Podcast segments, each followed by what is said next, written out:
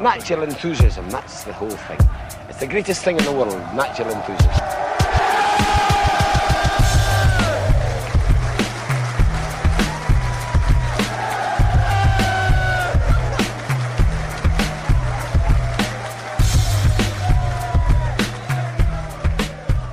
Där har vi den tillbaka, signaturen som eh, indikerar, den om något indikerar att en ny säsong av Premier League har dragit igång för då nu har även Premier League-podden eh, sparkat igång, fan vad jag svamlar nu känner jag. Ja men det är så man ska starta, man ska ja. starta lite saggigt annars ja, är det vi, ingen... kan bara, vi kan bara bli starkare härifrån. Eh, Erik Niva, Kalle Karlsson, Eh, A-laget var det någon som kallade er på, eh, på Twitter. Ja, vi, vi har tillbringat vår tid på parkbänkar så vi säger inte emot. Nej. Eh, såg ni allt i helgen? Ja, nästintill måste jag erkänna. Jag såg inte Man City du... speciellt mycket men resten såg jag Du satt ju både lördag och söndag i Viasat. Ja, det bruk, det... brukar du inte göra. Alltid premiärhelgen. Alltid premiärhelgen, ja, där ser man. Fem år i rad.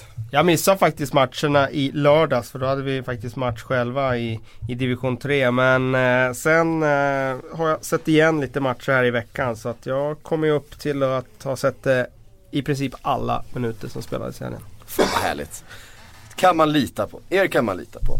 Ehm, en grej som det har pratats jättemycket om som vi kanske inte ska ägna sådär eh, svinmycket tid är ju Mourinhos eh, påhopp på läkarteamet och Eva eh, Carneiro. Carneiro. Jag tänkte vi, vi, vi kan väl eh, åtminstone nämna det så här i början så har vi det gjort.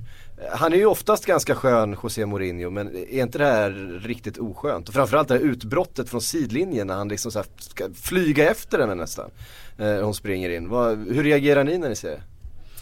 Nej, alltså jag inte sådär förvånad egentligen över att han eh, efter ett eh, resultat som kanske inte hans lag var helt nöjd med försöker flytta fokus till något annat. Sen kanske det är så att han insåg själv att han gick lite över gränsen, att det här blev lite väl stora proportioner av det här. Eh, han säger på presskonferensen efteråt. Han har ju svingat vilt åt massa håll tidigare så det är ju inte Eh, det är ju någon, inte förvånande. Nej, det är ingen personlig liksom, eh, attack han gör det ju mot Eva. Inåt. Det är ju ändå, Eva så. Däremot så, så um, kan det ju ligga något underliggande här som inte eh, allmänheten känner till. Att han kan ha haft kanske synpunkter på hennes arbete tidigare eh, och läkarteamets arbete som kanske nådde sin kulmen här. Eh, det är min känsla. Ja, så tycks det ju ha varit. För jag tycker väl att det handlar mindre om den omedelbara reaktionen, det där eh, extrema utbrottet han får. Sånt kan väl Mourinho få. Jag tycker väl snarare diskussionen kretsar kring den degradering som Carnero och eh, den andra killen för John den delen också ja. utsattes för i efterhand. För i stunden då tycker jag väl att det är ganska odiskutabelt så att Mourinho överreagerar. Det är ju ofrånkomligen så att domaren står där och kallar in läkarteamet på plan. Och då får man ju som läkare, inbillar jag mig, ha koll på sina prioriteringar. De måste ju lyda domarens order, de måste framförallt se till spelarens säkerhet. Och ska nu Mourinho rikta vreden någonstans så tycker jag att det är rimligare att börja i den ände där man förutsätts utgå ifrån att den liggande rullande Eden Hazard inte alls är skadad. Han bara gör sådär och det ska man förstå ifall man begriper något om spelet. Ja, kanske det, men är det i så fall inte där någonstans problematiken i så fall börjar? Att en läkare i grund och botten utgår från sitt medicinska uppdrag, det tycker jag ju inte är så jävla problematiskt. Det är sannerligen ingenting att mer eller mindre avskeda någon för. Men precis som Kalle är inne på så tror väl jag också att det har funnits en mer djupgående klyfta där och exakt hur den egentligen ser ut och i vilken utsträckning det beror på att hon har blivit någon form av popdoktor som eh, delvis kanske inkräktar en liten aning på Mourinhos egen popularitet. Det vet jag inte. Jag vet inte heller om det finns fog för att på något sätt ifrågasätta hennes arbete. Hon är ju tydligen inte ansvarig för till exempel Diego Costas rehab. Det är det andra som har varit. Eh, eller om det är något annat som ligger bakom. Det, det kan man ju inte konstatera. Däremot så kan vi inte komma bort ifrån att det är klart att det här blir extra känsligt och det blir extra symboliskt laddat på grund av att hon är en kvinna som har jobbat i en väldigt manligt dominerad miljö. Och det är också en teori och, och som... varit vokal, alltså uttalad kring eh, hur det är att vara kvinna Ja, i den här miljön och pratat väldigt mycket om det. Och Hon var här i Stockholm, precis för Svenska här i våras ja. eh, Men det är ju också en teori som inte bara nämnts utan som faktiskt har fästs på pränt. Nu kommer jag inte ihåg i vilken av de engelska tidningarna det stod men det var en av alla sådana här, nu ska vi reda ut vad som egentligen har hänt artiklar som det stod precis det är att hennes eh, person, hennes kön, hennes genus har skapat en annan dynamik i och runt omklädningsrummet och eh, en osäkerhet runt gruppdynamiken, vad den än må bestå av. Det är inget som José Mourinho generellt uppskattar. Så bara att det har funnits den här lilla rubbningen var något som en av tidningarna då anförde som en anledning till att hon nu inte längre kommer finnas runt laget på matchdagar. Nej, och det känns inte väldigt, ändå väldigt olikt Mourinho att svinga mot sina egna.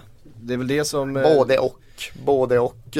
Jag tycker ofta att han har eh, eh, byggt upp en bild av en fantastisk lojalitet mot någon form av inre cirkel. Men jag tycker också att det är ju ganska ofta, eller i alla fall flera gånger tidigare som det har knuffats ut människor ur den där inre cirkeln. Och när man väl är utknuffad då är man ju sannerligen inte skyddad längre.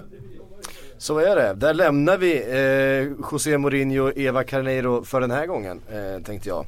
Eh, jag har en fråga att ställa till er. Hur bra är egentligen John Joselvi?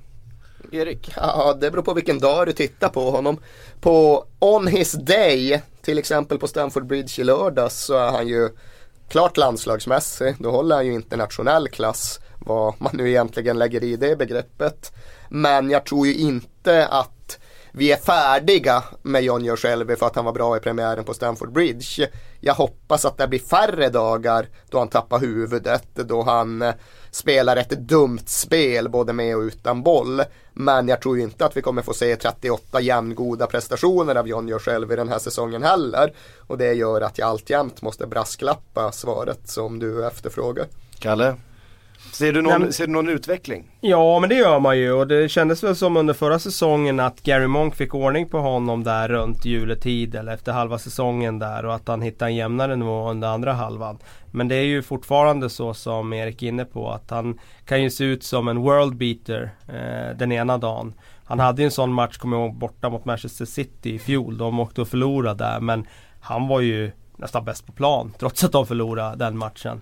Eh, men det handlar ju för honom om att hitta den nivån och visa det där vecka efter vecka och där är han inte riktigt än men han har ju någonting. Alltså bara att du har den där högsta nivån att plocka fram visar ju att det finns någonting eh, som är väldigt, väldigt intressant där. Vi brukar skämta om det och kallar det för ett John Joe Shelby hattrick. Ett, ett drömmål, ett självmål och ett rött kort. Ja, det är väl, det är ju något han har lyckats med också. Så. Ja, absolut. Men killen är ju fortfarande bara 23 och det är ingen ålder för en innermittfältare. Jag har försökt komma på mig själv. Han var också jag- väldigt ung när han eh, slog igenom i Charlton. Ja, det? jag måste ha varit typ 16 eller kanske Ja. 17. Jag kommer på mig själv att jag sitter och pratar på det här sättet om allt fler positioner. För jag började med att liksom inse att jag hade en tendens att döma ut mittbackar för tidigt. Och då började jag säga att ja, ja, men jag fick insikten i att mittbackar, de mognar senare. Det tar längre tid för dem att lära sig spelet och sluta begå misstag. Målvakter har ju också alltid pratat på det sättet om att ja, ja, man kan inte lita på en ung målvakt. Nu har jag börjat hamna där att jag börjar prata likadant om innermittfältare också. Det är egentligen bara spelare med minst 75% offensiva uppgifter som man verkligen kan eh, kan titta på som unga och känna att de är framme och färdiga. Wing, wingers ska ju helst inte ha fyllt 26. Nej, wingers och eh, liksom eh, djupledsforwards, eh, inte targetspelare, men wingers och djupledsforwards, de pikar ju när de är 22 höll jag på att säga. Ja. Det är ju... Men för att de bygger mycket på fart och så. Ja, och och, där, och oräddhet och en vilja att göra det obekväma. Det är fantastiskt att ha den där spelaren som jagar på allt. Mm. Man avskyr den där spelaren som har fått för sig, alltid de ska rättfärdiga sig själva. Ja, men jag är klokare nu för tiden. Det betyder att jag inte behöver springa lika mycket. Jo, det behöver du! Det är bara du som har blivit lat och tror att du kan liksom kliva ner i zonerna. Eh, nej, men nu raljerar jag, men det finns absolut ett värde i den där unga vinthundsanfallaren som faktiskt jagar på det mesta och löper på allt och alltid gör sig synlig och alltid vill vara ärgirig och avsluta varje anfall. Så där kan jag fortfarande prata om eh, värdet i, i ungdomens värde.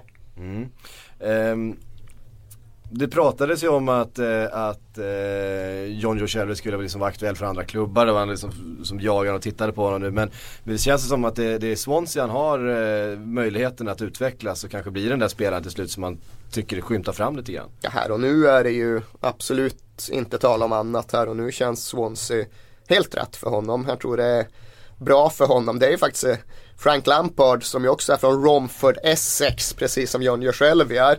Han åkte till Swansea i sin ungdom och upptäckte världen höll jag på att säga. Nej men då förstod han att allt inte var London och att det fanns en mm.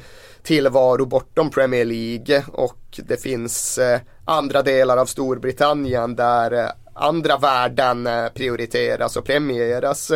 Och nu har visserligen själv varit uppe i nordväst tidigare men jag tror att det rent geografiskt kan vara bra för honom att vara på andra änden av eh, den brittiska huvudön. Men det är, ganska, det är en ganska hård stad. Eh, Swansea, Swansea. ja herrejösses och framförallt alla som, Leon Britton gjorde ju samma sak. Han åkte ju också från West Ham, alltså östra London bort till Swansea. Och de brukar alltid prata om, ja, den där jävla vägen som aldrig tar slut. Och sen finns det ett gigantiskt fabrikskomplex i en liten stad som heter Port Talbot som ligger precis innan Swansea. Och de kommer fram där och bara ser en himmel helt jävla full av fabriksrök. Då brukar de alltid bli lite avskräckta. Men eh, det är en bra härdande, lite avskärmad miljö där det just finns förutsättningar att koncentrera sig på fotbollen, att slippa mycket av det mediala och det nöjesanstrukna runt omkring. Och nu är ju dessutom Swansea en så välfungerande och välskött klubb att jag verkligen tror att Gary Monk och det som finns runt honom är ganska optimalt för att utveckla ett råämne som John gör själv i ännu ett tag. Mm.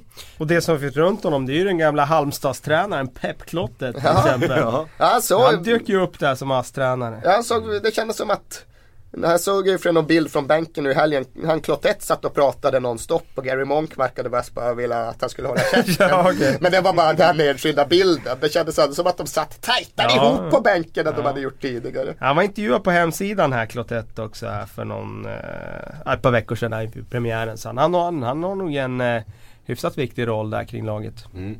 Hur, hur, hur, är Monks spanska tror ni?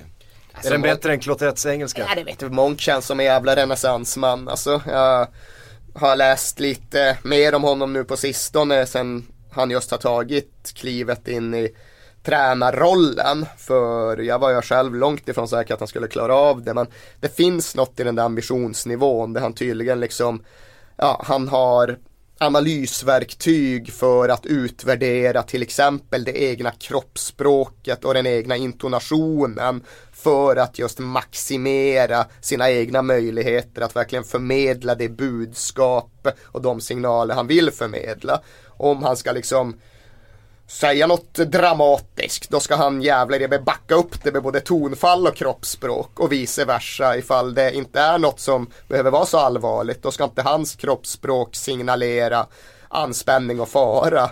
Och det var någonting med bara den där observationen att han tydligen på allvar jobbar med så noggrann utvärdering av sig själv som imponerade på mig och som fick mig att tro ännu lite mer på honom och hans spanska. Mm. Ja han känns ju oerhört ambitiös. Mm.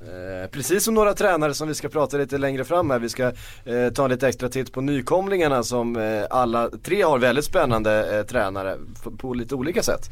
Eh, kan man säga. Eh, men vi, vi hänger kvar lite grann vid, vid helgen som var. Eh, en sammanfattning av, eh, av det som hände eh, som har snurrat ganska mycket i sociala medier är att Arsenal är Arsenal och Spurs är Spurs. Eh, vi kan väl börja med det som hände mm, på Emirates när eh, West Ham kom dit och visade vart skåpet skulle stå Kalle. Eh, vad drar du för slutsatser utav, eh, utav den matchen? Eh, ja, dels att eh, West Ham eh, nu med sin nya tränare kommer att eh, vara ett avsevärt modigare lag. Med det menar jag att de kommer att vara villiga att släppa fram unga spelare. Eh, villiga att eh, alltså spela kanske andra spelartyper i sin elva. En Dimitri Payet hade jag inte riktigt kanske sett i, i Sam Allardyce elva. Eh, jag hade inte sett kanske Sarate heller. Och framförallt inte båda två samtidigt i elvan tidigare under Allardyce. Så att ett annat typ av West Ham och såklart ett väldigt, väldigt eh, spännande West Ham som lyckas kliva ut mot Arsenal och eh, stänga igen butiken på det sättet. För det var ju väldigt disciplinerad insats av dem. Och att Bilic då kan eh, defensivt organisera sitt lag så det är ju väldigt, väldigt Med en lovande. 16-åring. Med en 16-åring, det är ju otroligt djärvt att kasta in honom i en liksom, defensiv roll på mittfältet där han ska hålla ihop det övriga. Det var det var, den såg man inte komma direkt och det var ju väldigt, väldigt häftigt. Sen är det klart Arsenal blir man ju besviken på eftersom jag tippar på att de ska ta hem ligan i år. Att eh, de föll i gamla hjulspår och eh, kändes som, man har sett det där förut i premiärer. Aston Villa här för bara ett par år sedan, par tre år sedan. När de gick på pumpen hemma också.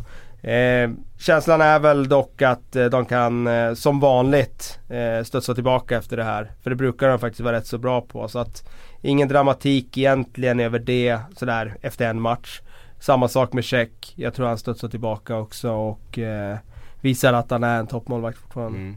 Har Crystal Palace eh, till helgen som, och, eh, jag, har, jag hittade, det var någon, jag, jag såg en statistik eh, att sedan Pardew tog över Palace så har alltså inget lag tagit fler poäng än Crystal Palace. Alltså Så- av alla i hela ligan, Chelsea och ja, alla precis. inkluderat. Ja jävlar. Eh, problemet är att jag kunde, inte, jag kunde inte hitta statistiken igen när jag googlade så att det, Ja, den det är kan inte verifierad, den den är, här, den är, alltså. Jag har inte lyckats kan ha drömt det. den. Jag kan ha drömt den. Ja. Nej men det, jag, har, jag har läst den men jag har inte lyckats eh, verifiera den själv. Eh, och jag tänkte fan inte sätta mig och räkna på det. Nej, fan det pallar man inte hålla på och liksom statistiktjänster som hjälper till med sånt. Men eh, hur det än är så är ju eh, Pardews Crystal Palace någonting helt annat än det Crystal Palace som vi såg i början på förra säsongen. Eh, ett lag som kommer, ja men vara med eh, på övre halvan.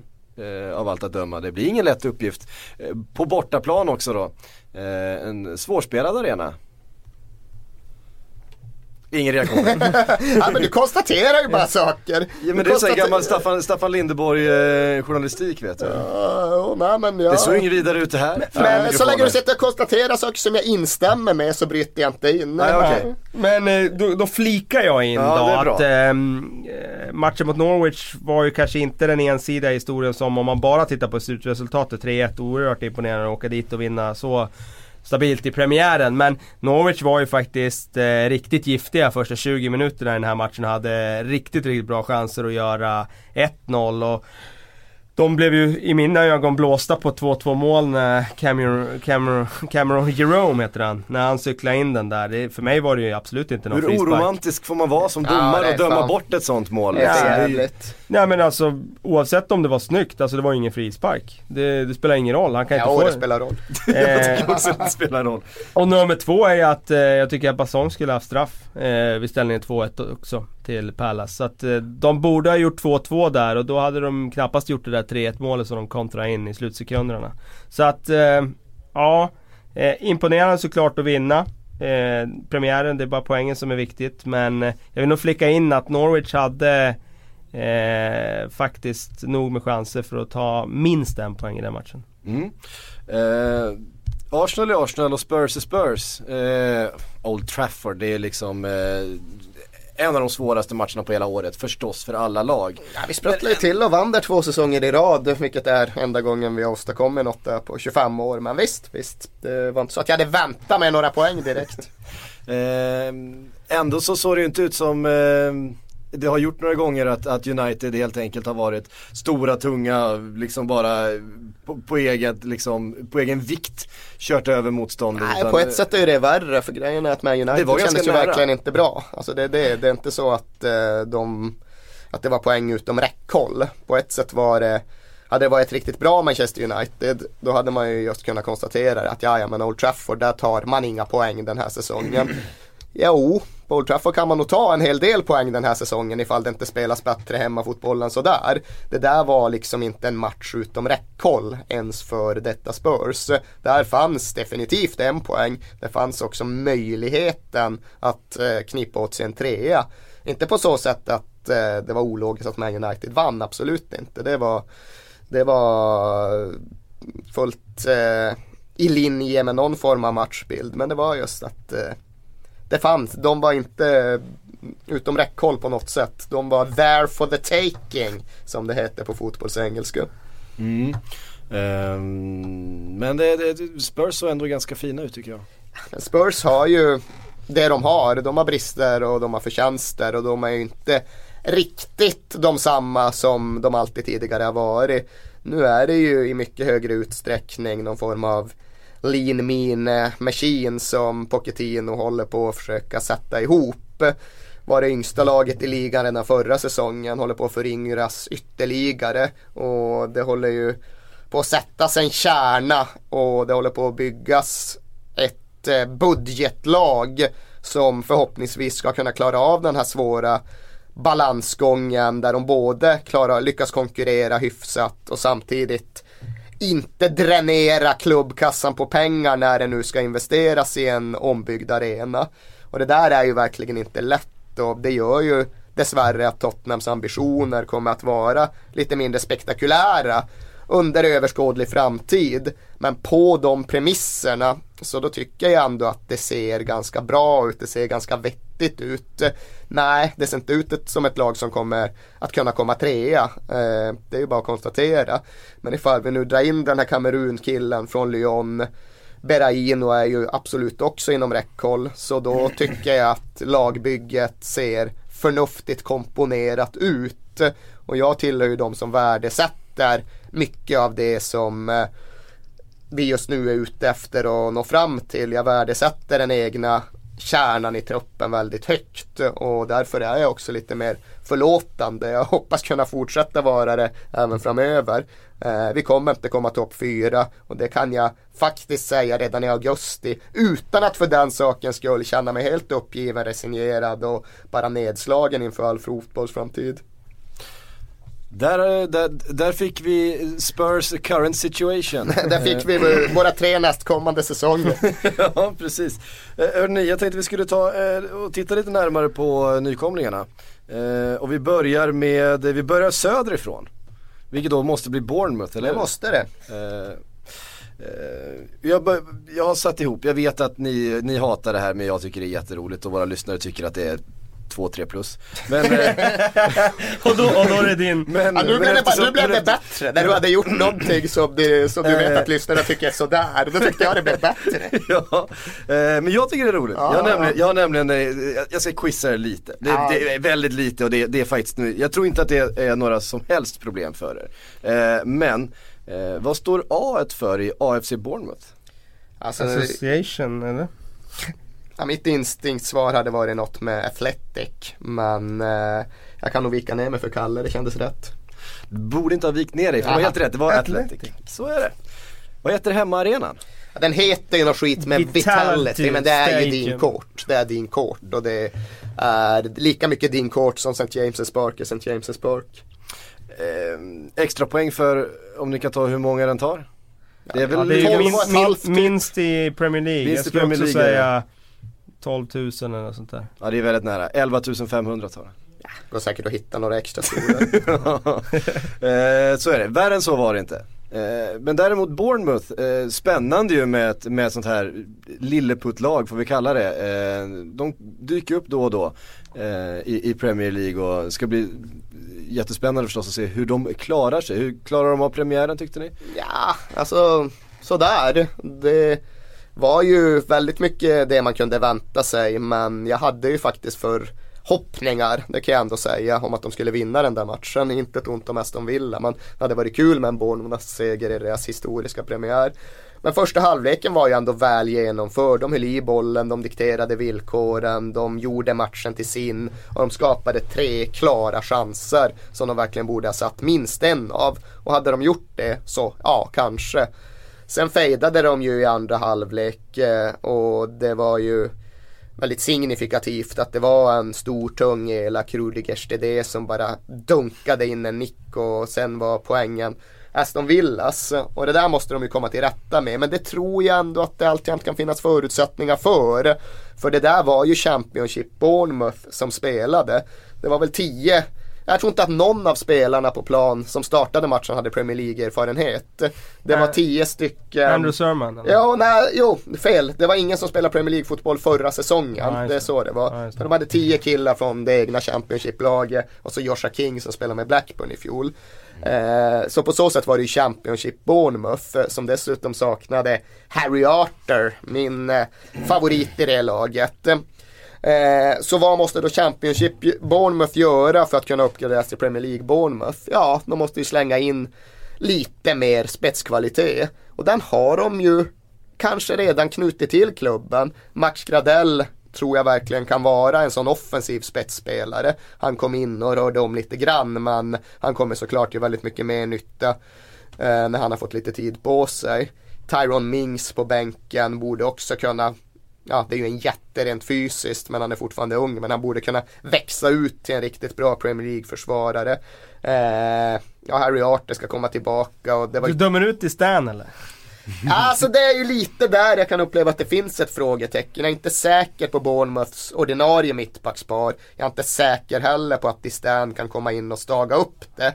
Eh, jag såg visserligen att han eh, gjorde någon intervju där han försvarade sig själv för folk påstår att han har blivit så långsam och att det inte funkar längre. Och då skulle han liksom iscensätta någon vadslagning när han skulle köra sprintdueller mot alla andra mittbackar i Premier League. Och alla som förlorade en sprintduell mot honom skulle då vara tvungen att lägga av för då har man ju bevisligen inte snabb nog för att spela i Premier League längre. Ja, jag tror i och för sig inte att någon hade, någon hade förlorat mot eh, Disney. Kabul. Det tror, det Kabul. tror jag. Det tror jag. Kabul. Det tror jag. Coates. Det är två. Ja, Coates är inte snabb, det är han inte. Mike Williamson. ja, det finns några stycken. Det finns kandidater. Det det. John Terry är ingen, ingen speed demon heller. Nej, det är han ju bevisligen inte. Men, nej, men det var ju lite reality check för Bournemouth, det får man lov att erkänna. Jag trodde inte de skulle förlora den där matchen, men jag har alltjämt ändå så höga förhoppningar och så stort förtroende för det Eddie Howe har gjort där. Och jag tycker som sagt att de har lite spets att eh, lotsa in i laget. Så eh, jag har gott hopp alltjämt. Det var ju ett Aston Villa som också var there for the taking. Det kan man ju säga. Mm. Med tanke på vad de har tappat i sommar och en stor osäkerhet kring det laget. Så att blev lite, precis som Erik säger, jag trodde också att de skulle ta den där första matchen bara ren på den här premiärenergin som nykomlingar brukar ha. Så det blev lite att de går på pumpen på det sättet eh, direkt i en sån match var lite, var lite synd. Eh, Eddie Howe, Kalle. Mm. Hur skulle du beskriva honom och hur ratear du honom som eh, manager? Ja, jag kan inte säga att jag har följt honom nära på något sätt. För jag har inte följt League 2, League 1 och Championship på det sättet som man följer Premier League. Eh, men man har ju följt hans resa de senaste åren upp genom seriesystemet. Och, alltså, om man gör de resultaten som han har gjort med Bournemouth, då, då är man ju något speciellt. Om man dessutom gör det utifrån hans förutsättningar, att han är 31 år när när, eh, när liksom resan upp genom divisionerna börjar. Han känner själv att han inte är redo. Men klubben övertalar honom att ta den här rollen då när de ligger i League 2. Och, och eh, han liksom övertalas till det och sen lyckas på det här sättet. Och när det dessutom eh, under årens lopp då visar sig att så många spelare som ändå har spelat på väldigt hög nivå, det vill säga haft ett antal tränare i Premier League, slår fast att det här är den bästa managern jag har haft. Och de har inte någon anledning att, att ljuga om det. För att eh, de är redan säkra spelare i startelvan och så vidare. Då kan man ju ana att det är någonting speciellt med den här eh, tränaren. Och det är ju samma sak där vi pratar om liksom noggrannhet med Gary Monk och hans eh, liksom eh, hängivenhet där kring eh, om hur han talar och hur han uttrycker sig. Eh, Eddie Howe känns ju precis på samma sätt, alltså den här extremt eh, noggranna, seriösa, kanske till och med minutiöst överdrivet minutiöst noggranna tränaren som har enormt höga krav på sig själv, filmar varje träningspass, går igenom varje träningspass med tränarteamet för att bara titta på vad hade vi kunnat gjort bättre förra träningen för att utveckla det. Eh, det känns som att han, eh, han, han är någonting speciellt, absolut. Mitt i all den här metodologin så tyckte jag det var så jävla Det roade mig väldigt mycket att jag snubblade över en passus där Bournemouths förra ägare, han som alltså sålde till ryssen Denim. Eh, vars namn jag inte ens är nära att kunna plocka fram ur huvudet nu. Men i alla fall, han har någon form av så hedersordförande post eh, fortfarande i klubben. Eh, han pratade om Eddie Howe och han betonade också den här resan som han har gjort och hur fantastisk han var och allt sånt där. Men det finns ju samtidigt också den här lilla reservationen i Howes CV när han skulle flytta upp till Burnley, både bildligt och bokstavligt, både geografiskt och i seriesystemet och prova sina vingar där. Och det gick ju inte alls. Och det har ju fått folk att ifrågasätta, ja men är det verkligen så att hans eh, metoder funkar överallt eller är det bara just i Bournemouth som han själv har spelat för och klubben han själv har vuxit upp i som det fungerar. Då sa den här gamla stöten till ordförande att ah, det där kan ju vem som helst förstå att det inte skulle funka. Jaha, vad fan då då? Nej, han var ju då tydligen givetvis själv uppe från norra England, den här gubbtjuven. och det innebär att han vet ju hur folk är där. Salt of the earth people. Och så kommer Eddie Howe with his Hollywood, Hollywood looks, his blond hair. Säger sig självt att det fan Direkt inte från- funkar liksom. Direkt från playan i Bournemouth. Ja, nej, det, den här killen, det hade han kunnat säga direkt att det var ju dödsdömt liksom. Så den metodolo- metodologin eh, vill man ju också ska leva kvar i belgisk fotboll. Absolut. Har ni varit i Bournemouth förresten? Så jag har varit en hel del på sydkusten. var första, första delen av England som jag tillbringade mycket tid i när jag var på språkresor i Brighton och sådär. Men jag har aldrig kommit till Bournemouth just för att det inte riktigt har funnits någon anledning tidigare. Sömnigt pensionärssamhälle. Visst en liten fotbollsklubb som jag gärna hade besökt men den lockade inte mer än Woking gjorde på den tiden. Det var liksom en division 4-klubb där Russell Beardsmore hade spelat en gång i tiden. Så nej, jag har aldrig varit där men jag ska se till att åka dit under säsongen. Det är väldigt populärt just nu. Det har blivit en, eh, det har fått ett uppsving. Eh, Har jag kunnat läsa mig till.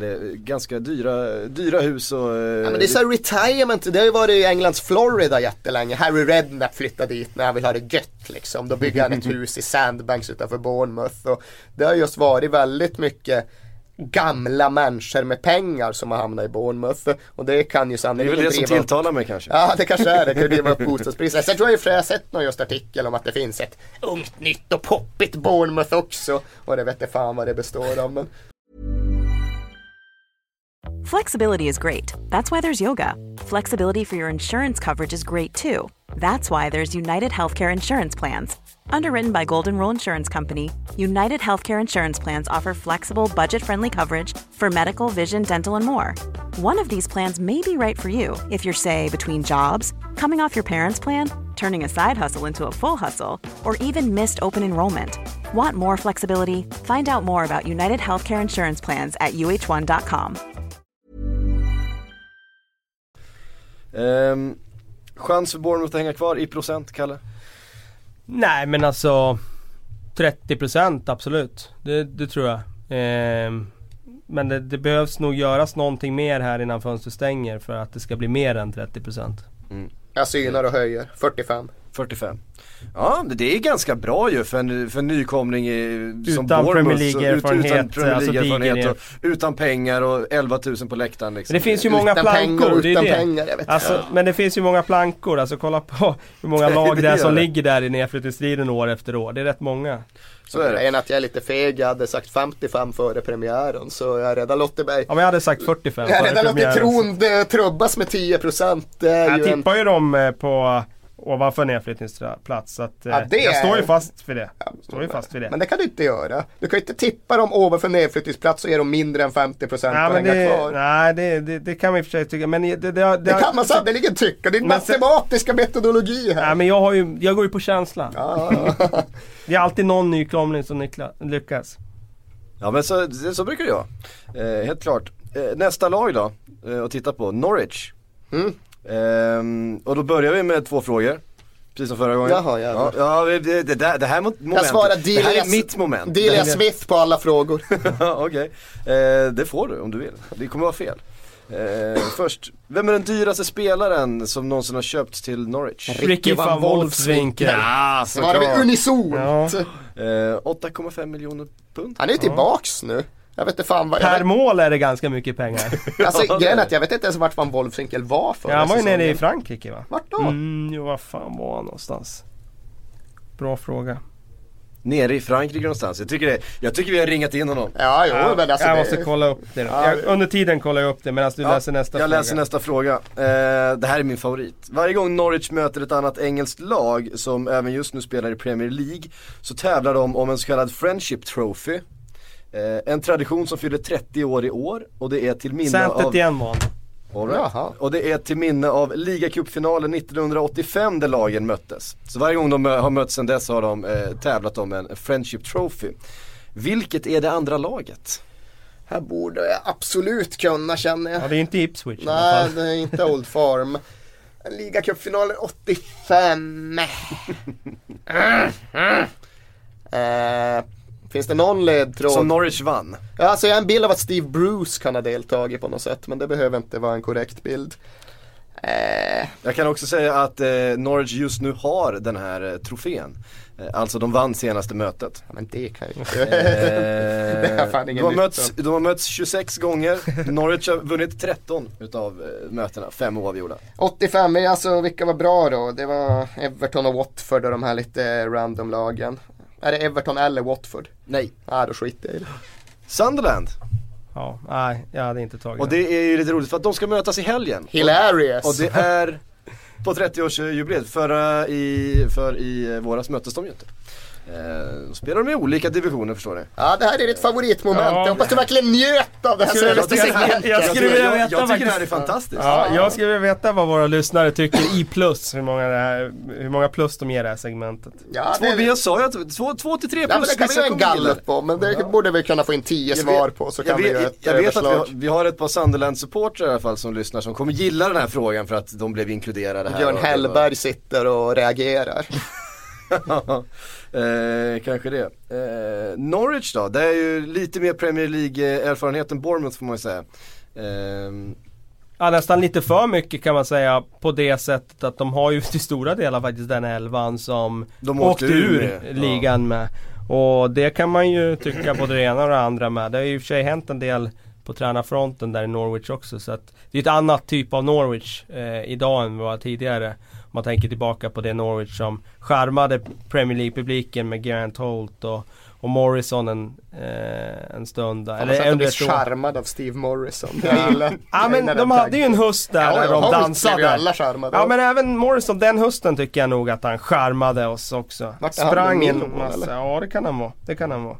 Eh, men det man såg nu var ju att eh, de kan vara kanske framstå som lite naiva då. De spelar rätt bra. Eh, lite små fint ibland med Hulahan och Nathan Redmond och, och så. Men kommer de, att, kommer de att vara tillräckligt tunga för att ta poäng i, i tajta matcher? Vi får se. Körde inte de Robbie Brady på vänsterbacken eller? Ja, Ja, det stämmer. Det stämmer. Jag tycker Norwich är rätt saggiga spelare om jag ska vara frank. Men jag tycker de är en jäkligt spännande manager. De Mm. var ju, ja, de var ju trögrodda. De kändes okarismatiska. De kändes ganska identitetslösa halvvägs in i fjolårssäsongen. De hade ju aldrig gått upp överhuvudtaget. De hade inte ens varit i närheten ifall inte Alex Neil hade kommit ner med sin eh, skotska aura och sin Hamilton Ackis eh, eh, filosofi. Hamilton Academical är väl kanske den mest intressanta av de små skotska klubbarna. Och de har ju fostrat bland annat då James McArthur och James McCarthy. Och eh, Alex Neil fick ju dem att prestera fantastiskt bra redan i Skottland. Eh, så där finns det ju också den här tron på en manager-magiker som jag tillåter mig själv att ha kvar ett tag till. Den tron gör att jag vill tro att de har en chans men spelare för spelare tycker jag inte det ser speciellt bra ut och jag tycker att avsaknaden av en målskytt är ju väldigt påtaglig. Ja, nu startar Lewis Grabban på topp och han brände ett läge som jag skulle nästan vilja säga att min morsa hade gjort mål på. Han var det fel fot Ja. han kunde inte använda högen och bara Det känns inte som en anfallare som kommer att spotta in mål eh, för dem i Han alla gör fall. såhär åtta ifall han Ja. spelar hela säsongen. Ja men typ, ja men typ, nej. Eh, så det, det där känns det som att de kanske känns lite tunna faktiskt. Cameron Jerome är i alla fall 11 om han spelar 38 matcher. eh, och det är ju fler. Ja det är fler.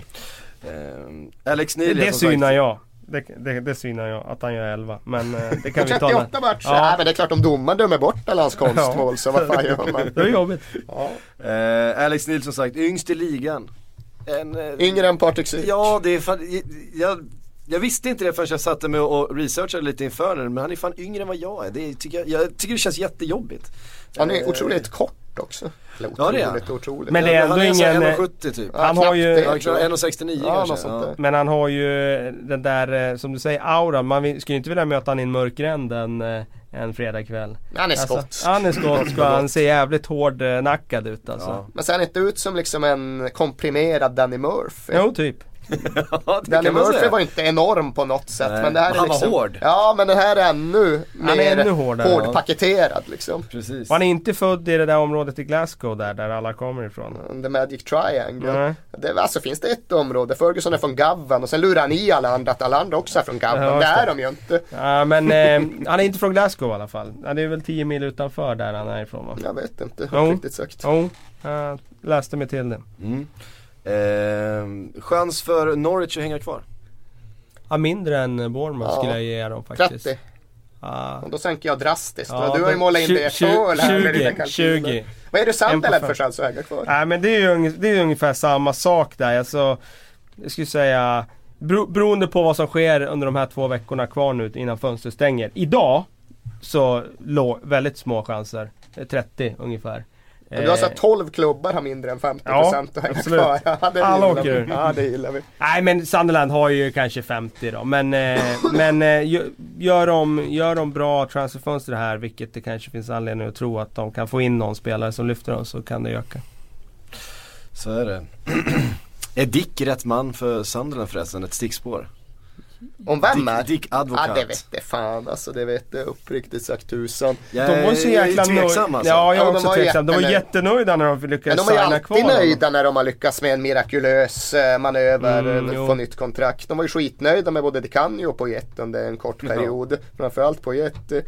Men eh, nej jag vet inte, jag är någonting med just den här motvillige tränaren. Okej, han kan hävda att det var eftersom att hans fru ville att han skulle vara hemma. Men det att man måste övertala en tränare att ta jobbet. Han har egentligen tackat nej men sen ja okej då liksom.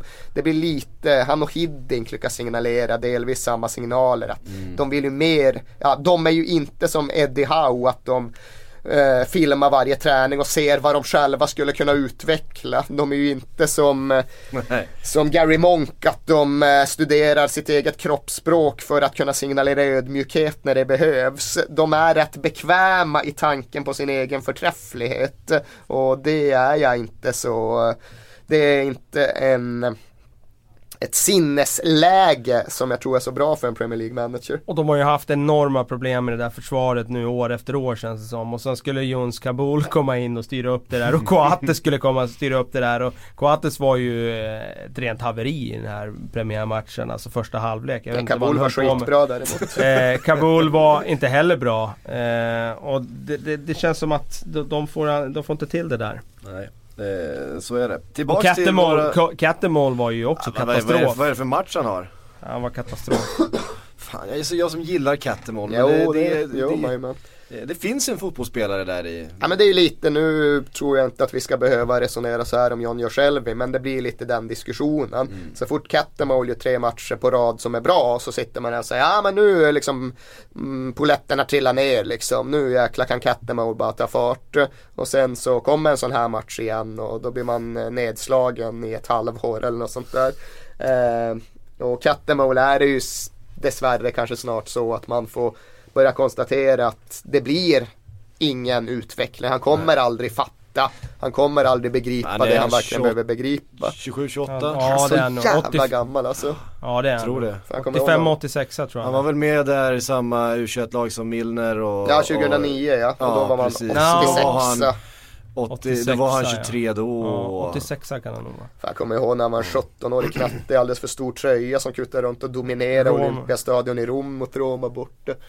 Ja, det var tidigare. Det var tidigare. Man gillar, alltså, med, lika mycket för den här fantastiska visan som finns om den här sången om, om Lee Cattermole. Jag kan inte det. He's, he's had more showers before full time than anyone else. eh, någonting. Den låter lovande Nej, din tappning låter ju halvdan Ja, men jag kan, den ju inte, jag kan men- den ju inte så då, kan då blir det ju inget bra förstås. Ehm, vi lämnar eh, Norwich som vi faktiskt var på, vi var ju, Sunderland var ett stickspår. Ja men det var ju din Friendship Trophy som band ihop Så det hela. var det, Ja. och de möts, ju, de möts ju till helgen. Det finns ju också, jag hade en Steve Bruce-koppling, jag försöker rädda upp mig Just själv genom att liksom, att den Ja, också binder exakt. ihop dem. Absolut. Ehm, Ge mig ett, ge mig ett bra punkrockband från Sunderland tyck. punkrockband, eh, jag har en punkfråga snart här. Det är, Jaha, vi ska gå vidare vi, till den Vi ska gå vidare till Watford, du kanske vet vilket eh, punkband jag pratar om? Ja, Gallows. Ja, precis. Mycket bra. Ehm, men vi ska börja med, nu blir det bara en fråga. Ehm, för det, eh, man kan få två poäng på den. Ehm, på Watford. Fyra smeknamn enligt Wikipedia som ju är facit. Ehm, kan ni ta två utav dem? Tvåa Hornet som sagt. Mm. Och eh, de har ju sin jävla älg, den måste ju på något sätt gå att knyta ihop till. Eh, Vad skulle det kunna vara på, på Cockney? man är någon jävla så här rhyming slang du är ute efter nu. The moose, the booze. Alltså, nej, nej, nej. alltså grejen är att jag har ju fan tillbringat massa tid på Vicarage Road så nu borde jag kunna mer än ett. Det är, the Golden Boys kallar de sig själva Där har ibland. du, där har du ett. Vad kallar de sig mer? ju. Eh, de kallar sig mer för mm. Ja, Något med älgar är det då som vi fortfarande trevar.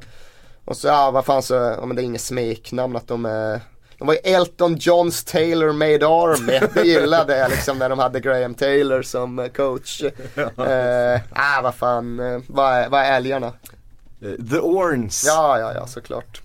Eh, inte The Horns då utan eh, på, på, på Cockney ska det, det är ju nästan London, Watford. Men alltså är det här älganknutet, är inte det bara Hornets sammandraget? Alltså getingarna är gulsvarta, vad har det med älgarna att göra? The Horns, alltså Hornen? ja. Tror vi på det? Jag vet inte. Jag har ingen aning. Det, jag bara läste det. Vad var det Jag- fjärde då? Eh, Yellow Army. Ja men då hade det kunnat vara Elton Johns Taylor med Army lika gärna. Ja, absolut. Ja, ja, vi fick ja, ja. det. ja, Okej. ni, ni klarar det. Ja härligt. härligt. Ehm, lyckades kryssa på Goodison i helgen, enda utav eh, nykomlingarna som tog poäng. Ehm, hur såg det ut Kalle? Såg det, såg det ut som ett Watford som har i Premier League att göra? Lite mer besviken på Everton eh, faktiskt från den matchen än vad jag var eh, liksom lyrisk över Watford. Samtidigt så är det ju kul, jag menar de har ju värvat väldigt många nya spelare och så här fort så eh, har de ändå fått till det till att det ser rätt bra ut. Eh, det kan ju komma in ytterligare spelare där. Det känns som att Watford, de är en sånt där lag som de köper bara på sig spelare nu och hittar de en nästa vecka som är bättre än den de redan har köpt, då köper de den också. Då ska väl Diamantini in. Ja precis, och det, alltså, det kommer inte vara någon spelare kvar förutom Dini som, som egentligen var med på resan upp här. Men de kör på det sättet och vi får se om, om det lyckas. Litar du på Kicker då? Nej alltså han har ju en väldigt, väldigt bra CV. Det kan man inte snacka bort. Han Ja, pratade jag tänkte bra jag skulle- jag engelska skulle- fick jag höra i intervjun här. Det, det är en ganska eh, intressant jämförelse. Vi har två stycken väldigt unga, ambitiösa eh, tränare i de andra två. Kiki är vi- inte så gammal. Han är 50 så han är, Ja. inte, nej, han är inte så gammal men han har ju till skillnad från de andra liksom eh, ett CV där han har tränat Benfica, Atletico Madrid och Valencia. Han har, han har väl på något sätt gått i Rafa Benites eh, fotbollstränarskola. Al-Ain eller något i den stilen. Och så har han varit i, i, ehm, Saudi i där. Saudi där och, eh, och sådär. Men eh, så han, Han ser ju väldigt eh, proper väldigt- ut i klubbkostymen också får man ju säga. Han, en är han är lite Hollywood-looks det är en, där det är en också. stilig karl, det är det. Det får man ge honom. Jag ser hellre ut som Alex Neil om jag får välja, men visst, Ja. visst. Nej men jag, det enda där man är tveksam till det är ju just den där alltså kulturkrocken det kan bli. Alltså han är ny i Premier League. Alltså, eh, han har kanske ett sätt som har fungerat i La Liga och så men eh, kommer det funka där med helt nytt lag och sådär. Det är jag fortfarande lite osäker på. Ja, det får man ju ändå säga att det hängde ju ihop väldigt mycket bättre än man hade kunnat förutspå. Kanske i synnerhet defensivt. Jag tyckte de såg rätt solida ut eh, och för att dyrka upp dem så krävdes det ett moment of magic av Ross Barkley och sen ett Eh, ja, väldigt snyggt andra mål också där Kone kom med en fin båglöpning. Därutöver så hade Everton väldigt svårt att skapa chanser mot ett Watford som man inbillade sig skulle vara jätte eh, dysfunktionellt. Det var ju liksom mer än halva laget var helt nytt. Nästan hela fyrbackslinjen var helt ny. Men lika fullt så såg det ut att fungera. Det liksom, de hade lyckats få grunderna på plats på kort tid. Och det imponerar ju. Och sen är det ju svårt att bedöma det där vilken typ av manager som behövs med tanke på att Watford är en så annorlunda Premier League-klubb. Det är ju hela affärsidén att det ska snurra på folk. Det ska komma in nytt från världens alla hörn. Det är det som är grejen när Pozzo-familjen ska förädla och förvalta. Eh, och ja, nu var det elva olika nationaliteter i den här startelvan. Behöver man en skotte med Premier League-erfarenhet då? Behöver man en berest spanjor eller vad är det egentligen man behöver för att få The League of Nations att harmonisera? Det är retoriska frågor jag ställer och är nyfiken på att själv få svar på men jag kan inte påstå att jag sitter på dem här och nu. En engelsman med i laget va? Troy Deeney, sen är väl Cathcart är väl nordirländare. Han eh, ytterna nia eller något är väl, eh, han har väl fotbollsskotte liksom. Eh, jag vet inte om han är född i Skottland eller om han immigrerade till Skottland eller hur det är. Men i fotbollssammanhang så kategoriseras han absolut som skotte. men precis som du säger, en engelsman. Mm. Um, vad ger ni Watford för chanser? Hänga kvar, Kalle? Nej men, säg 30. Nej, jag lyfter upp dem till 55. Jag tänker inte falla i fällan där jag har mer än tre klubbar på under 50. Eh, jag har nog bytt plats på dem och Bournemouth efter första helgen och bara det tycker jag känns lite need jerk för, från mig själv men ja ja, eh, så får det bli. Vilket lag gillar ni mest av de här tre då? Är det Bournemouth? Är det liksom där eh, ni känner att hjärtat klappar lite så jag har ju redogjort för det tidigare att Watford är min andra klubb. Eh, jag bodde i Watford okay. när jag flyttade till England. Och det är visserligen så att allt det måste läggas åt sidan. Men, nej, men det finns ju ingen del av mig som, ingen liten skärva som önskar att ja, men det vore lite kul om de tog poäng mot Spurs. Det vore bara jättetråkigt. men äh, jag får ju svårare att äh, överhuvudtaget sympatisera med dem när de ligger i Premier League. Så det blir ännu mer underordnat än det brukar vara. Men ja vad fan det är ändå. Jag har varit med, jag med Watford at Barnsley away. Sånt sätter ju spår. Ja. Jag eh, har en vän, en tränarvän som faktiskt jobbar som tränare, akademitränare i Watford nu. Så jag ska dit och hälsa på här faktiskt nu i höst. Så att, eh, det ska bli väldigt spännande och då kommer man säkert känna lite mer för Watford. Men han säger att deras akademi är ett, ett haveri. Vem är han? Eh, nej det är en engelsk vän som jag har. Eh, ingen, ingen kändis så. Eh, en engelsk kille. Grejen eh. att de har en stolt akademitradition, det var något som de värdesatte väldigt högt. Ja, egentligen kanske nästan hela vägen fram till Pozzo-övertagandet och det går ju tillbaka till ja, jag vet inte i vilken utsträckning de egentligen räknar John Barnes och Luther Blissett som akademiprodukter. Men på något sätt väger de in det och ja, hela vägen sen framöver en rad spelare till Ashley Young. Precis. Men eh, det är väl det, det, det dit jag tänker komma. Att just Eftersom den, han beskriver det då som ett haveri idag så kan man ju undra vad har hänt där sen Pozzo-familjen började styra över det där. Har man helt då nedprioriterat den egna talangutvecklingen? Och det skulle jag i så fall tycka var väldigt, väldigt tråkigt. Mm. Ja, verkligen.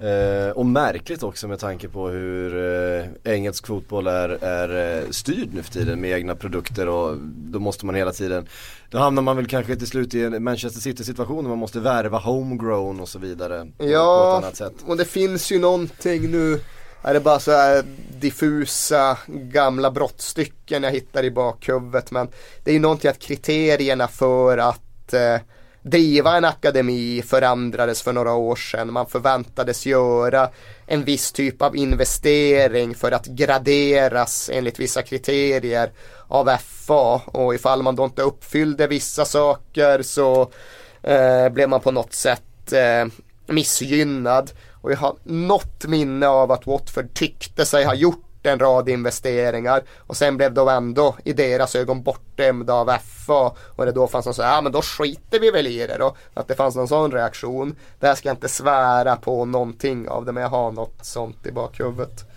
Mm. Eh, det, var, det var Watford det. Eh, hörde ni, det har blivit dags för lite lyssnarfrågor. Eh, för trots att det är säsongens första avsnitt så har vi fått in en hel massa sådana. Eh, och ni som lyssnar kan ju tänka på det att det finns en annan podcast, våran systerpodcast som sysslar med det här med silly season. Eh, på måndag är Patrik Sjögren tillbaks, då kan ni ställa alla sådana frågor till honom. Det som att rågången har blivit lite mer diffus. Jag gjorde en podcast i måndags, jag trodde det var Premier League-podden men det var tydligen Silly-podden. det var Sillypodden. Han måste ha koll på sina poddar Ja, alltså. Även så. att vi mest pratade så här mexikanska ligaplaceringar och, och målskyttar i MLS. Ett segment som våra lyssnare tycker är någonstans mellan 4 och 5 plus. Jag tror de gillar det. Är det sant? Ja, vi har fått eh, bara positiva reaktioner på det i sociala så att eh, Fan, jag, börjar, jag börjar gilla våra lyssnare för första gången. Vad som händer.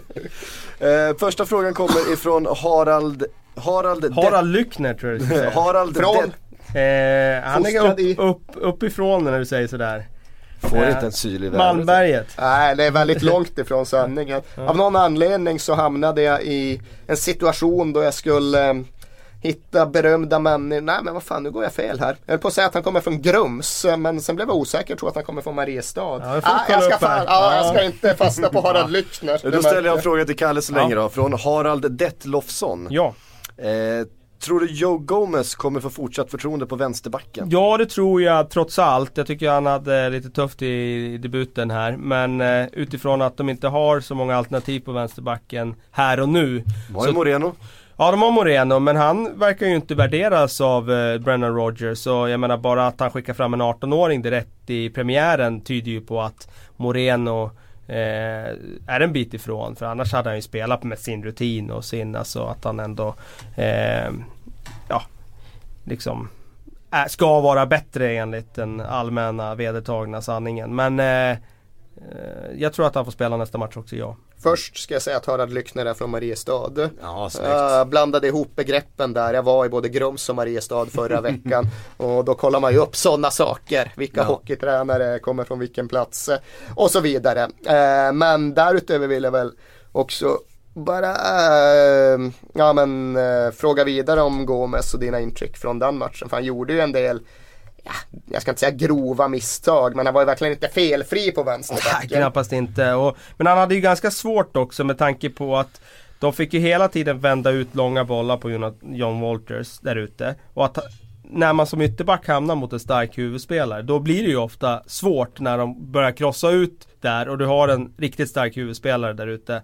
Alltså det finns inte så mycket att göra än att i princip gå upp och ta duellen och sen, sen kommer de att löpa in bakom ryggen. De blev ju ofta två mot en där, framförallt i första halvlek. Men det är klart att han såg valpig ut, Gomes, och det var en kämpig debut. Men utifrån att de inte har någon annan så tror jag att han får förtroende nästa match. Men sen bör ju Liverpool hitta på något där. Kommer Flanagan någonsin spela fotboll igen eller? Till, eh, vad var det. Beräk, beräknat till jul någon gång Ja. ja, december, januari. Det är synd den är om grabben. Ja. Ja, den är lång. det är Han synd var ju i superform där. Ett och ett halvt år Han sedan. nätade ju mot Spurs, det Ja, glömmer jag aldrig. Inte Erik heller. Nej, nej.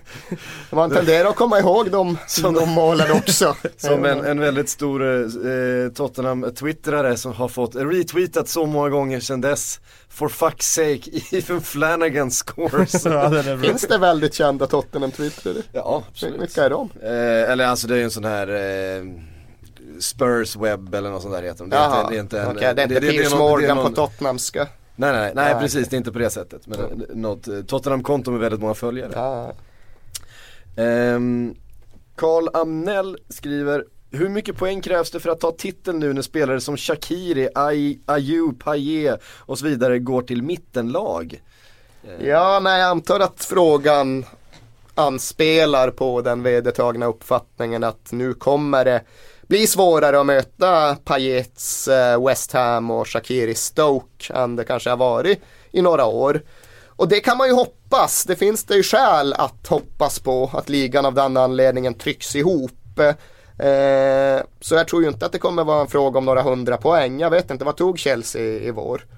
Kan ha tagit 87 eller något sånt Ja där. det är något sånt Ja, där. jag tror inte heller att det kommer bli en sån där jättestor och tydlig skillnad redan den här säsongen. Men säg att det krymper lite, säg att det krävs 3-4 poäng färre och att det förhoppningsvis är början på en tendens där ligan komprimeras och trycks ihop på ett ännu tydligare sätt. För i mina ögon är ju det mycket mer betydelsefullt och mycket viktigare än att eh, Premier League-vinnarna även går till final i Champions League. Det kan jag uppriktigt sagt ha och mista. Ja, precis. Um, Olof Bjersander eh, undrar, blir inte allt för trångt centralt så som Arsenal spelar för tillfället? Såg lättläst ut mot West Ham, Kalle. Jo, det blir det väl. Eh, alltså, man kan säga att eh, Arsenal är väl det laget i Premier League som är bäst och har de kvaliteterna på att verkligen såga sig igenom eh, väggspel och så vidare. Och när det stämmer den där dagen, då ser det fantastiskt ut och då kan de dyrka upp ett Även ett lågt sittande, disciplinerat, organiserat West Ham. Men eh, när det inte riktigt funkar så blir det ju den där känslan av eh, Arsenal för några år sedan när det, det, där det var väldigt, eh, alltså eh, tajt och tätt motståndarlag och Arsenal som spelar i sidled och inte hittar några öppningar. Men det var ju också eh, en eh, form av eh, ny, ny ytterbackskonstellation där med Debussy och, och Monreal och de är ju kanske inte så offensivt starka som varken Gibbs eller eh, Bellerin som kom in i förra säsongen. Så det kan ju vara också eh, någonting som underlättas av att Bellerin kommer tillbaka. Han är ju väldigt, väldigt rapp och väldigt, väldigt duktig på att ta sig fram på sin högerkant. Bättre än Debussy ska jag säga. Så att eh, skulle kunna underlättas av det. Mm. Ehm, eh, Stursko eh, ställer frågan. Är Emre Can tänkt som defensiv mittfältare? Är han rätt för den rollen? Har han talang nog att bli en ny Mascherano? En ny Mascherano är väl kanske inte jämförelsen jag skulle göra, även om nu båda Han ska bli vår låtar! Ja, ja, jag har sagt ja, det förut, han ska bli vår låtar! Har du sagt det förut eller har någon annan sagt Nej, det jag har sagt det. Ja okej, ja nej det är klart han ska. Eh, nej men talang tror jag han har, men talang är det jävligt många som har höll jag på att säga och han har väl inte ännu tagit klivet där han har bevisat för mig att själv i poletten eller pat Catamole-pengen som vi kallar det i just det här avsnittet har trillat ner. Han eh, var ju liksom inte där han borde ha varit vare sig speltekniskt eller mentalt under U21-EM till exempel. Och sånt eh, betyder någonting, sånt signalerar någonting. Men det blev ju en klar, tydlig och markant skillnad och förbättring när Chan byttes in och spelade som renodlad sittande mittfältare i söndags. Och det ger ju i alla fall en indikation på att han kommer att kunna få en rejäl chans. Och på ett sätt blir ju uppdraget kanske tydligare och på så sätt lättare att utföra ifall det blir just den rollen han ska få. Ja men han sitter och så skickar vi iväg Milner och Henderson. Och jag tror att det är något som verkligen kan hjälpa en ung och lite ofärdig spelare ifall uppdraget är tydligt och klart definierat. Ibland känns det som att Brendan Rodgers kan skicka ut spelare och begära att de ska vara eh, realtidsflexibla på ett sätt som knappt Johan Cruyff klarade av på sin tid. Och det har för och nackdelar. En av nackdelarna tror jag är att det kan vara svårare för en ung innermittfältare, en sån position där man mognar sent, att verkligen eh, se fullfjädrad ut. Sen är ju det faktum att Brennan Rodgers har ju över trebackslinje och gått över på fyrbackslinje får mig att tro att han inte kommer spela mittback alls den här säsongen. För han är ingen mittback i en fyrbackslinje. Han är möjligen en mittback till höger i en trebackslinje. Men jag kan inte se honom mer än som krislösning i en fyrbackslinje. Så att eh, han kommer spela på mitten. Och sen får vi se om det blir den här lösningen som de använder nu i andra halvlek mot Stoke som, eh, som gör att han får en plats i elvan. Mm. Eh, Niklas Bildal skriver protesterna mot Everton-styrelsens odugliga arbete. Det vill han att vi ska prata om. 20 år utan trofé, fallfärdig arena och så vidare. Eh, och protesterna Jag från Everton-supportrarna. Ja, jag gillar ju Bill Kenwright eh, så jag skulle ju inte vara speciellt högljudd än som jag vore Everton-supporter. Det är klart att jag förstår frustrationen och att jag inser att, eh, att det ibland kan vara en jäkligt lockande tanke att de också fick en oligark i rätt tid och kunde expandera. Men förutsättningarna för för andra klubben i Liverpool, vilket det obönhörligen är, de är annorlunda än förutsättningarna för till exempel Tottenham, en Londonklubb är. Och vi har visserligen inte heller gått oligarkvägen och det finns de som sannoliken protesterar mot Daniel Levy också.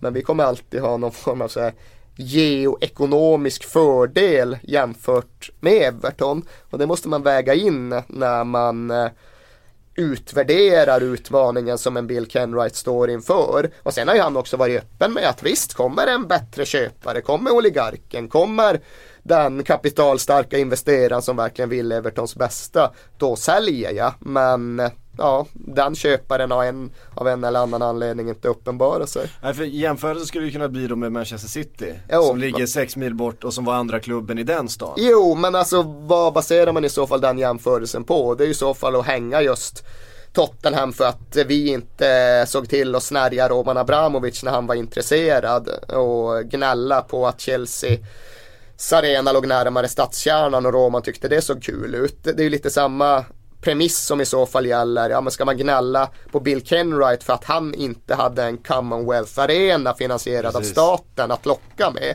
Det är okej okay för att jag förstår varifrån du kommer just att det är två, det är andra klubben i städer i Ja, det, nordväst. det stod, ja men det var ju det som var, som var skillnaden liksom. Mm. Hade City of Manchester Stadium hette den Ja, och den var ju en present eh, Ja. på ett sätt som påminner om den present som West Ham nu får tillgång till och som kommer förändra deras förutsättningar.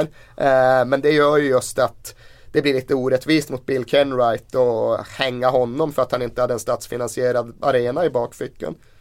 Ehm, och sen är det ju så att Goodison, precis som många andra arenor i England, eh, börjar bli lite sliten. Ja, och det, Lite sliten. och det älskar man ju den Det är fan för. Det är ju alltid den där dubbelbottnade känslan av att eh, jag vill att arenorna ska se ut på det sättet men jag är ju fullt medveten om att eh, det är en konkurrensnackdel när de gör det. Eh, så ja, vad är viktigast? Vilken klubb vill man vara? Vilken arena vill man spela på? Och vilken ägare vill man ha? Ja. Bill Kenwright är ju den där gamla hedliga någonstans eh, Mm. klubbägaren som, som det fanns gott om förut som eh, i eh, eh, numerärt underläge idag. Så att, eh, Och som jag- genuint har klubbens bästa. Ja eh, precis, så jag menar det blir så dubbelt det där. Jag menar ena stunden vill man ha en sån ägare och nästa stund vill man ha en oligark. Det är liksom Problem apropå numerära underlägen så är jag ju dessvärre övertygad om att de supportrar som jag inbillar mig att jag själv tillhör där det trots allt är annat än segrar och bucklar som är essensen som är det allra viktigaste. Ja, de är i underläge. Vi är i underläge. Eh, och de allra flesta utgår ifrån, ja men vad ger de bästa möjligheterna att vinna? För det är det enda som i deras ögon, ja kanske inte det enda men det är i alla fall det som överskuggar allt annat. Och de är fler än oss befarar jag. Så är det nog.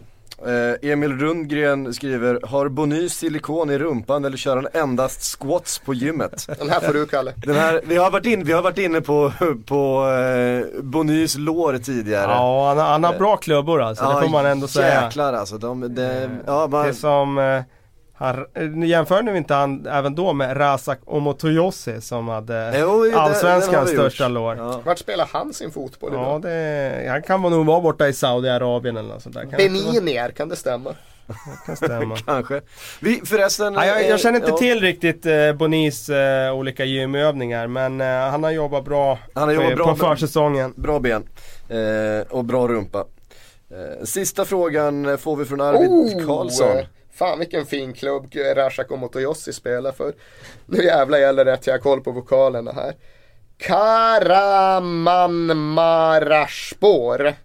Jag får nog Jaha. inte flow i det men Ka- det är, det är väldigt tur- långt. turkisk andra liga eller något Ja, där. det förutsätter jag. De spelar i TFF Second League. Det kan nog vara turkiska trean till och med. Ja, det är det. Turkiska trean spelar han tydligen i. Ja, okej. Karamanmaraspor. Det är ingen klubb jag har en stark relation till ska jag erkänna. Men där är Rashak Omotoyossi Mm. numera. Eh, Arvid Karlsson skriver Fredagsmatcher, vad är det frågan om? Ja, jag pratade ju med Erik om det här innan vi gick in i den här poddstudion. Jag tycker att det är haveri, fullständigt haveri. Men han upplyste mig faktiskt om det fina i att det är ju bara ett test nu den här första fredagsmatchen. Det kommer Det inte kommer bli fler. nästa säsong. Jag befarar ju att de skulle placera ut ännu fler fredagsmatcher här. Vad det lider under säsongen. Men eh, det glädjer mig enormt för att fredagarna för mig har ju varit heliga för att vika till annat än fotboll. Men när de börjar med sådana dumma påhitt så så kommer ju mitt liv bli ännu mer inrutat. Men nu har jag bara skjutit upp arkebuseringen. Du får ett års respit men om ett år så kör de ju. Ja, men ett ja, år är lång tid. Kan hända Ja, kan in, rinna Nej, mycket vatten under blodet. Ja, alltså. precis. Ja. Nej, nu är det ju bara för att IDL, denna jag trodde nästan att den eh, jävla organisationen var utdöd men de ska ju ha en jävla demonstration i Birmingham på lördagen.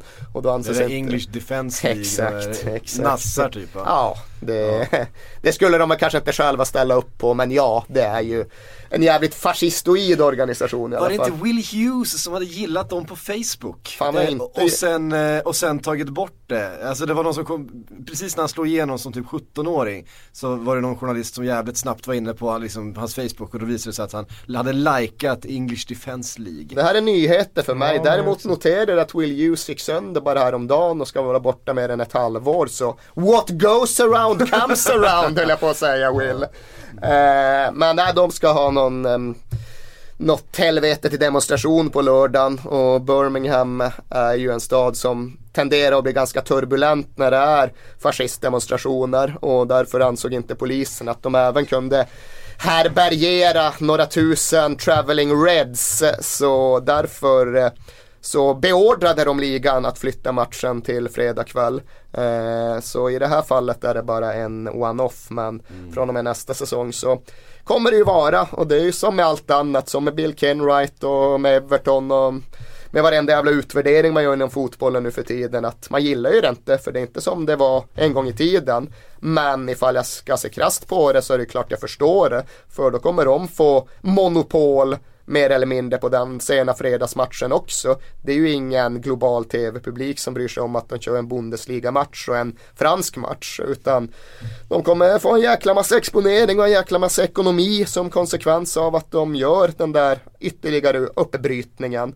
Och väljer man att anlägga det perspektivet på det hela så gör de ju i så fall rätt. Så då har vi eh, Premier League, fredag, lördag, söndag, måndag, Champions League, tisdag, onsdag, Europa League, torsdag. Det har vi. Det stämmer. Så, så ser våra liv ut från och med nästa säsong. Mm, skicka ett eh, vykort och adressera det till eh, våra respektive familjer och informera dem. Pre- precis. Ja, så är det. Eh, samtidigt har du spelat fredagsmatcher i Championship eh, länge. Hur många har du sett de senaste tre säsongerna live? Ingen. Det, du hör. Fan jag kollade, jag var ju sugen nu när det skulle vara säsongstart. Så förra fredagen eh, satt jag faktiskt och kollade på stora delar av Brighton and Hove Albion mot Nottingham Forest på fredagskvällen. Ja. Men, eh, kvar, de har play- inte kvar Craig Mackill Smith längre på topp där va? Den yviga skotten, nej han såg jag inte till. De har ju däremot plockat tillbaka Han är Millwall kanske? Möjligt, möjligt. De har ju tagit tillbaka Bobby Zäta. Ja det är bara en sån sak. Det är Som på stort. allvar, men på fullaste allvar refereras ju han till som den största spelaren i Brightons historia. Och det känns ju svindlande. Eh, han var inte klar för spel, han satt inte ens på bänken i premiären. Men han ska väl gnissla igång vad det lider. Han kommer bli viktig för dem. Brighton, fa Cup-finalen 83 skulle jag säga. Apropå ditt friendly, ditt friendly jox med Norwich och Sunderland. Friendly Trophy. Ja. Den vill jag att ni tar upp på, på lördag när det är Premier League-studio. Finns det en och- fysisk buckla? Det Jag är- tror det. Ja, gör absolut. det det så då växer den ju. Eh, det finns, eh, man har en egen Wikipedia-sida där man kan gå in och titta på liksom hur eh, matcherna har varit. Något med ett eget Twitterkonto också som så här The Anfield. Cat eller vad fan det brukar vara. Helt säkert. Friendly Trophy. Kolla upp det. Eh, tack för att ni har lyssnat denna torsdag. Vi är tillbaka om en vecka igen. Missa inte Sillypodden på måndag. Då är Patrik Sjögren tillbaka efter någon sorts eh, utflykt till eh, Österlen. Han var siktad på torget i Simrishamn för några dagar sedan. Ett torg som jag också besökte här om veckan. Bara en sån sak. Mm. Cirklarna sluts. tack för att ni har lyssnat.